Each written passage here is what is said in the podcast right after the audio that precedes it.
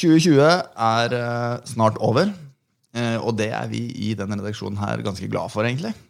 Så eh, vi tenkte at årets siste episode, som vi skal gi deg nå, den gjør vi ganske kort, for at vi raskt ønsker at 2020 skal være over.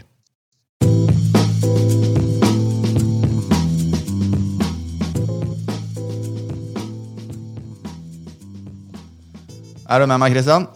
Yes, selvsagt. Nå kan det året her være ferdig, kjenner jeg.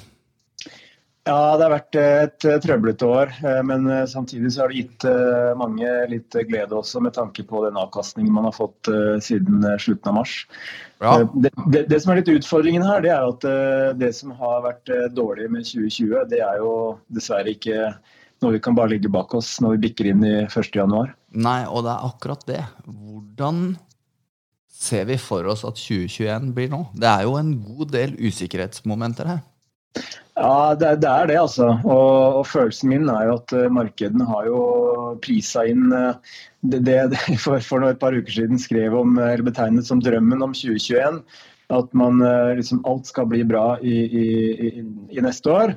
Men før vi kommer dit, så tror vi egentlig at det kan bli litt verre før det blir bedre. Og spesielt da i økonomien. fordi nå har vi fått disse nyhetene om dette muterte viruset, og så langt så sier jo vitenskapen at uh, disse vaksinene som er under utvikling og godkjent, fortsatt skal virke mot disse muterte uh, variantene.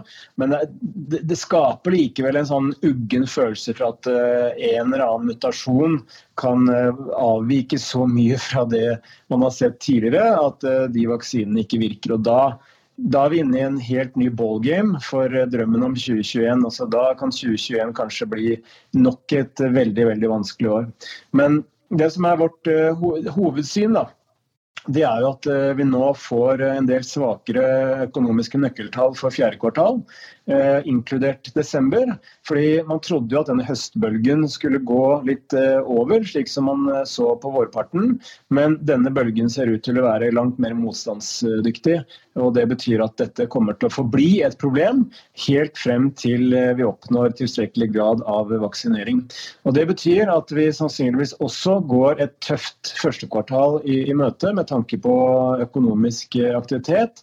Og Da fokuserer jeg spesielt på Europa og USA, inkludert Norden, når man ser at Kina og store deler av Asia i hvert fall, fortsatt har en tilsynelatende god kontroll på, på viruset. Og Det betyr at kinesisk økonomi kommer til å fortsette å være en positiv driver, mens vi kommer til å se svakhet både i Europa og i USA de kommende ukene og, månedene. Men vi vet jo at vaks vaksinasjonsprogrammet er i ferd med å eskalere, og det er ganske kraftig. I første omgang så vil det være de eldre, altså den eldre delen av befolkningen, de i risikogrupper og de i helse Helse, helsepersonell som vil få vaksinene først gjennom første kvartal.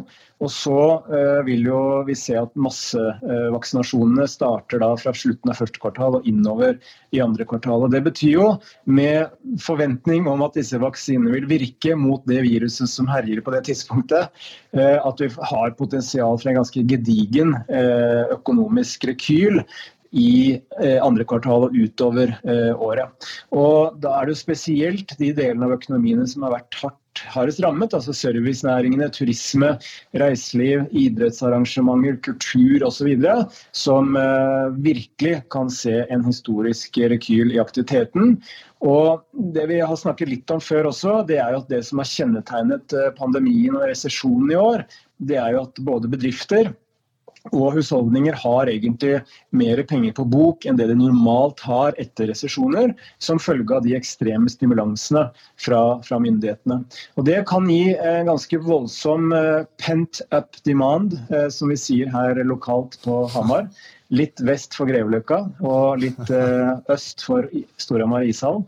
Eh, nemlig at eh, en del av den etterspørselen eller de investeringene og de kjøpene som man da normalt ville gjennomført tidligere i år, men som ikke har blitt gjennomført pga. pandemien, det kan utløses da fra andre kvartal og utover neste år.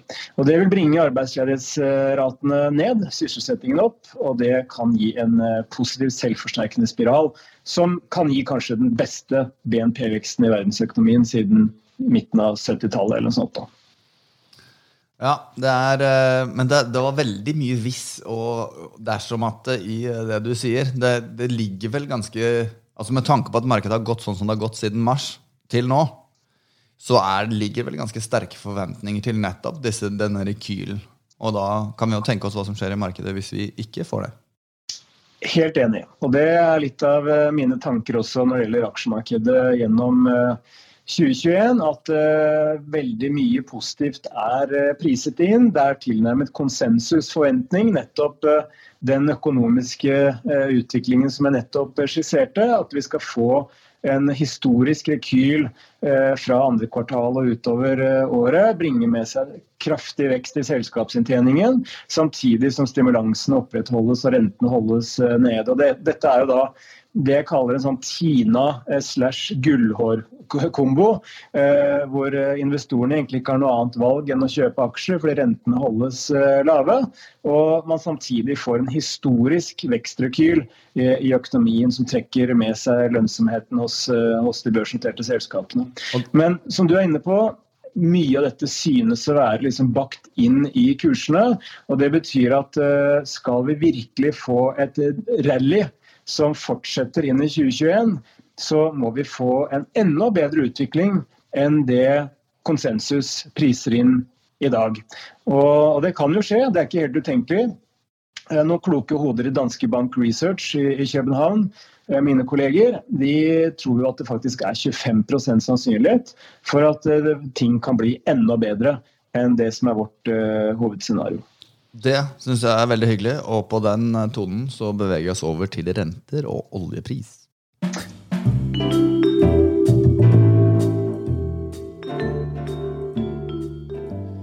For det er ikke helt uviktig for hva som skjer med markedet i 2021. Nei, eh, renteutviklingen er eh, i tillegg til vaksiner og masseimmunitet eh, kanskje den største risikofaktoren for aksjer og for finansmarkedet som helhet. Fordi vi vet at det er rekordmye gjeld eh, hos selskapene. Vi vet det er rekordmye gjeld i det offentlige. Eh, vi vet at finansmarkedene er priset basert på evigvarende lave renter. Og skulle det glansbildet forstyrres, dvs. Si at eh, inflasjonen f.eks. stiger mer enn det markedet tror, og trekker med seg de lange rentene kraftigere oppover enn det man priser inn i dag, så er det ingen tvil om at det utgjør en, en eh, ganske betydelig risikofaktor. Det som er vårt hovedsyn likevel, det er at eh, styringsrentene de holdes på null eh, både i Storbritannia, Japan, eurosonen, USA. Norges Bank tror vi kommer til å heve i desember neste år som den første av eh, sentralbankene i utviklede eh, vestlige økonomier. Men de styringsrentene holdes på null gjennomgående. og Det er fordi eh, de ønsker å forankre de lange rentene, slik at de ikke stiger for mye. Det er én ting. Eh, og det andre er jo at de vil være veldig forsiktige med å heve styringsrentene. Både fordi det kan gi negative ringvirkninger til finansmarkedene, men også eh, fordi de er livredde for å forstyrre den økonomiske innhentingen, som på det tidspunktet gjennom neste år, hele neste år sannsynligvis vil fortsatt være ganske skjør. Eh, de lange markedsrentene, og det er jo det som gjerne påvirker finansmarkedene minst like mye, spesielt av den amerikanske tiåringen, den har jo nå steget eh, opp mot 0,9-0,95% altså fortsatt veldig lavt rentenivå. Og bare for å gjenta det, altså Når den amerikanske tiåringen nå er på rundt 0,9% så betyr det at markedet priser inn gjennomsnittlig, eh, et gjennomsnittlig rentenivå de neste ti årene på 0,9% og Det er ganske hinsides.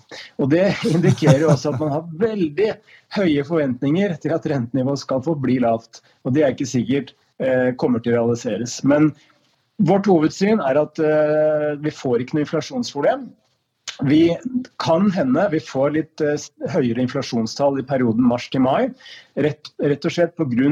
at disse inflasjonstallene måles på, som år på år-grunnlag. Eh, og ettersom vi hadde tilnærmet deflasjon i, i, vestlige økonomier gjennom det verste av pandemien mars til mai i år, altså 2020, så vil sammenligningsgrunnlaget være så lavt at det blir lett å få høyere tall neste år. Men vi tror det blir midlertidig. Så Derfor så tror vi egentlig at rentenivået kommer til å holde seg relativt lavt. Vi tror den amerikanske tiåringen om tolv måneder når 1,35. Altså ikke så veldig mye høyere enn i dag. Når det gjelder oljeprisen, så tror vi at den kommer til å bikke oppover gjennom året i takt med at økonomien styrkes. Eh, og vi ser for oss rundt 60 dollar fatet ved utgangen av eh, neste år. På valutasiden, bare for å avslutte med det, så tror vi at eh, krona kommer til å fortsette å styrke seg mot euro, men faktisk svekke seg mot dollar over de neste tolv månedene. Ja, og bare en liten fotnote, men det er kanskje bare på Hamar at noe bikker oppover. Men det liker vi. Så før vi, før vi avrunder Kristian, eh, og ønsker hverandre en god jul og runder av dette grusomme året, eh, har du noe du ønsker å plugge? Mm, det, det, er veldig vanskelig hver, hver eneste uke, egentlig. Eh, så det blir nok litt det samme. Eh, de tidligere kommentarene mine som jeg skrev gjennom desember, de beskriver jo ganske godt hva jeg tenker om året som kommer, altså hva jeg og vi tenker. Eh, ellers så er det jo Twitter-kontoen min som eh, det stadig vekk er litt eh, liv på. Ja, og det er da at liechr på Twitter, hvis dere ønsker å følge Christian. Og hvis dere ønsker å gi noen tilbakemeldinger til oss i redaksjonen, så kan dere også søke opp eh, meg på Twitter. Det er da at askstensrud. Uh, og send inn spørsmål eller tema dere ønsker at vi skal ta opp i podkasten, så skal vi gjøre vårt beste til å få til det. Ja, jeg kan for så vidt også plugge Twitter-feeden til Danske Bank eh, Research. For de publiserer utrolig mye bra stoff.